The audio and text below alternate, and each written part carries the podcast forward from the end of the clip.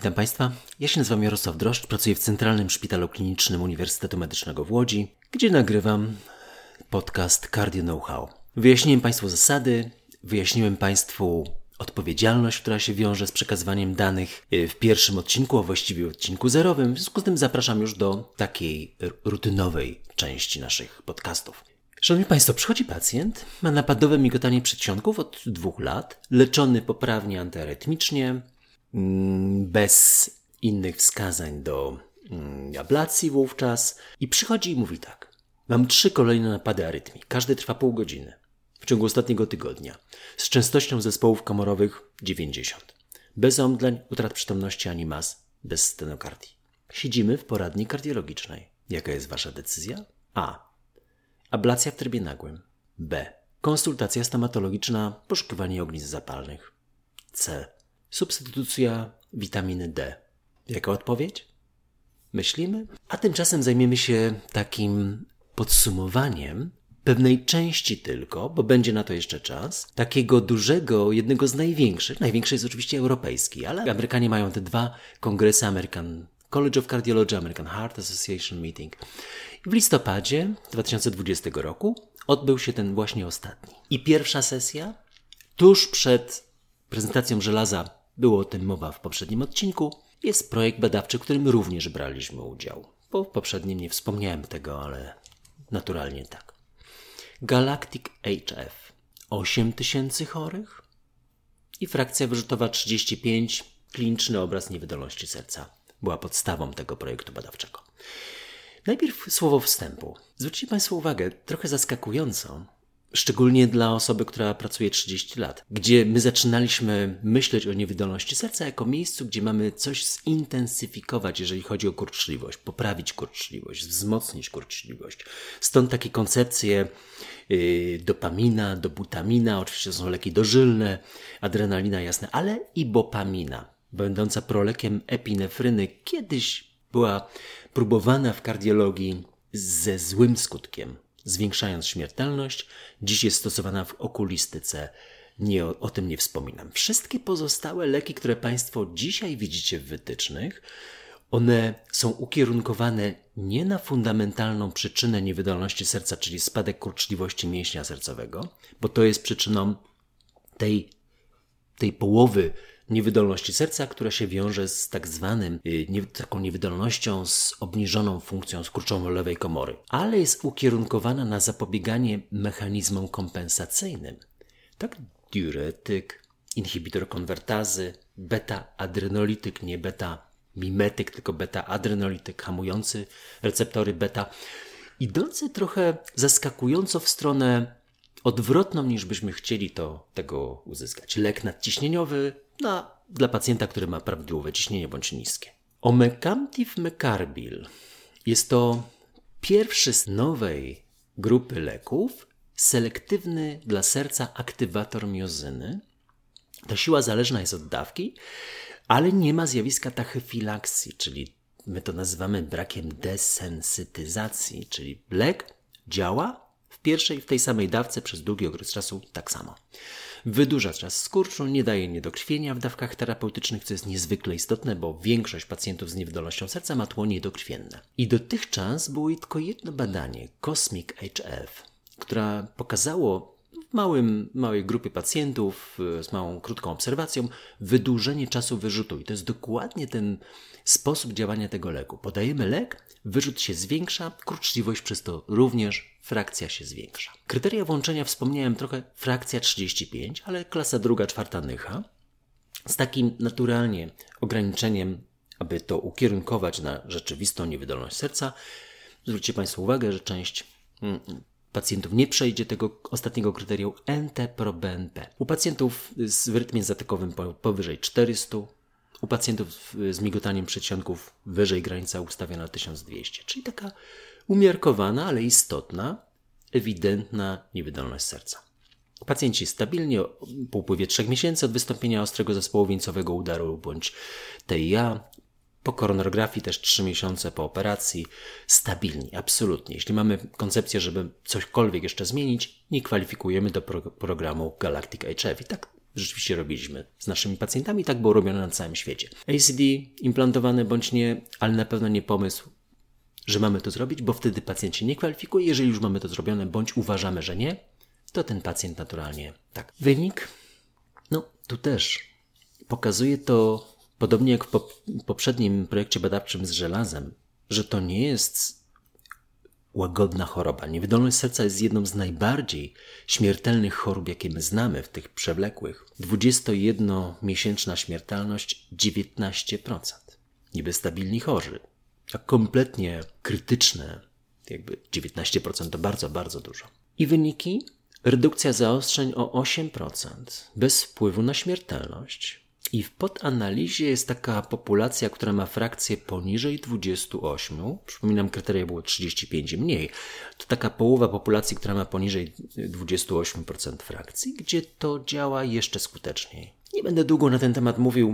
Czy teraz wystartowałbym z y, omecamtivem czy z żelazem? Tam, przypomnę Państwu, 1000 chorych, rok obserwacji. Tu 8000 chorych i prawie 2 lata obserwacji.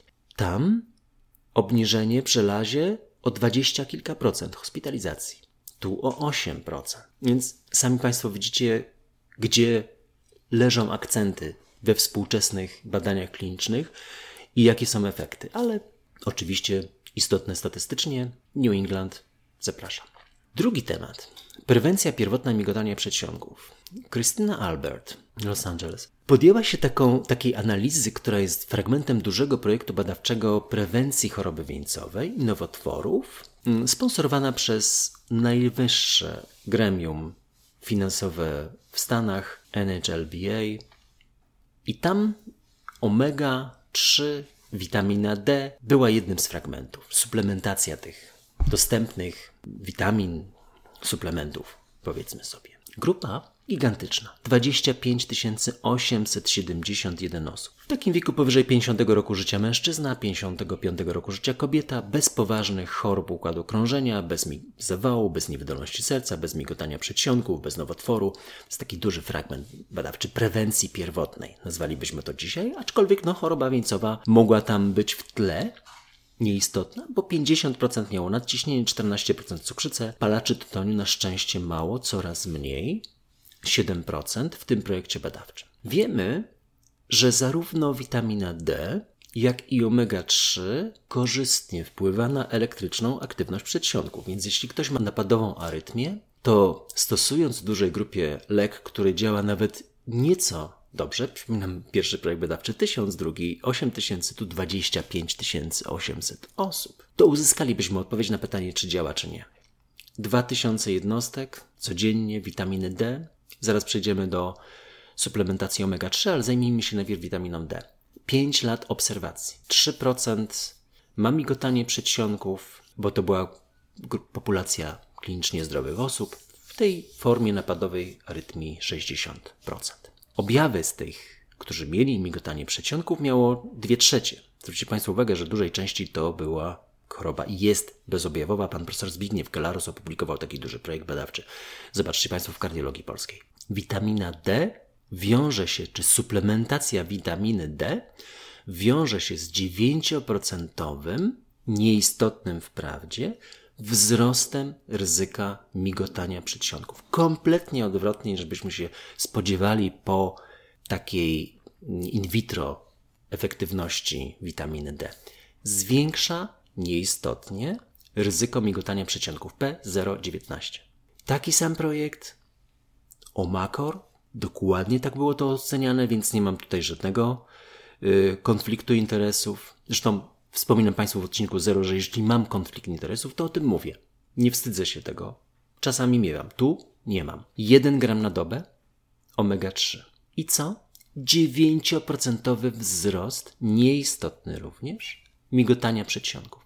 P019. Identycznie. Czy stosować suplementy, czy nie, zostawiam Państwu. Ale jest to taka okazja do tego, żeby podsumować to w paru zdaniach z punktu widzenia klinicznego lekarza praktyka. Jak się ma większe stężenie witaminy D w surowicy, to jest lepiej. Jeżeli, ze względu na wiele różnych aspektów, niewydolność serca w bardzo wielu chorobach, COVID-19 tak samo. Yy, bardzo w wielu chorobach, jeśli mamy wyższe stężenie witaminy D, przeżywalność jest lepsza, chorobowość mniejsza. I zaskakująco, suplementacja witaminy D. Wszystkie projekty badawcze, które znam, duże, poważne, nie mówię o osobach niespełniających kryteriów i badaniach niespełniających kryteriów badań randomizowanych, wszystkie projekty, a szczególnie ten, bo ten stawia kropkę nad i, mówią wyraźnie, suplementacja witaminy D oraz omega przy okazji też działa źle. Na pewno nie działa dobrze, ale najprawdopodobniej działa źle. P019 nie, po, nie pozwala na powiedzenie, że działa źle bezwzględnie. Ale nigdy w życiu bym nie wziął suplementacji. Jaki z tego wniosek? Naturalna witamina D, słońce, które ma swoje ograniczenia, to wiecie Państwo, jeżeli chodzi o korzystanie z tego dobrodziejstwa, ale z pewnością słońce z umiarem jest czymś korzystnym. Na pewno nie suplementacja. I dwa kolejne projekty badawcze Strength to jest takie badanie omega versus olej kukurydziany. Tutaj randomizacja była 13 tysięcy chorych z hyperlipidemią i 42 miesiące obserwacji. Niemal identyczna liczba powikłań.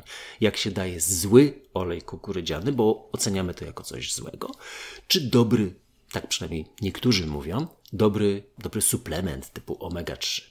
Identyczne, ale więcej działań niepożądanych ze strony przewodu pokarmowego.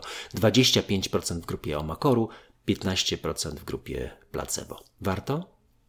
Odpowiadacie Państwo sobie sami. IOMEMI Trial. Zobaczcie Państwo, 15 listopada Circulation, ta poprzednia publikacja Strand jest w Jamie, 15 stycznia 2020 roku.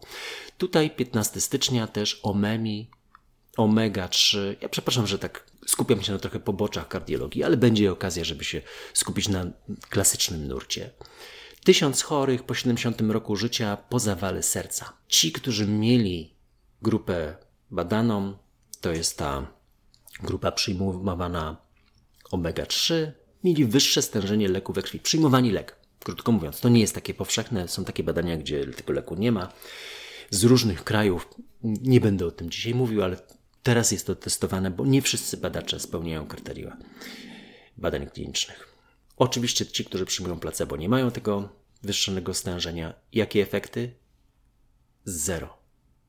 Tysiąc chorych po 70 roku życia, po zawale, bardzo zagrożona prezentacja. W związku z tym, wracając do pierwszego pytania, co robimy? Oczywiście, jeżeli pojawia się napadowe migotanie przedsionku, którego wcześniej było, oczywiście było rozpoznane, ale było rzadziej, teraz jest częściej, to ja rekomenduję poszukiwanie ognisk zapalnych. Pomijam kwestię leczenia farmakologicznego, będzie o tym mowa z pewnością kiedyś. O tym pomówimy. Zostawiam to na boku. Wspomniałem o tym, że lek, prawidłowe leki są podawane. Konsultacja stomatologiczna, badanie ogólne moczu z posiewem, może laryngologia. To jest takie moje zalecenie dla pacjenta, który ma napady migotania przedsionków, których miał rzadziej, a teraz ma częściej. Nie jestem wrogiem ablacji, ale nie ten pilny scenariusz, który wymieniłem w pytaniu. Szanowni Państwo, jeżeli będziecie mieli jakieś uwagi, komentarze, to będę zaszczycony, jeśli będziecie je kierować na Instagram bądź Facebook. Postaram się udzielić na część, może na większość odpowiedzi. I na tych mediach też społecznościowych znajdziecie głosowanie na tematy następnych odcinków podcastu, bo oczywiście, że będę się do Państwa dostosowywał, bo to ten podcast nie jest dla mnie.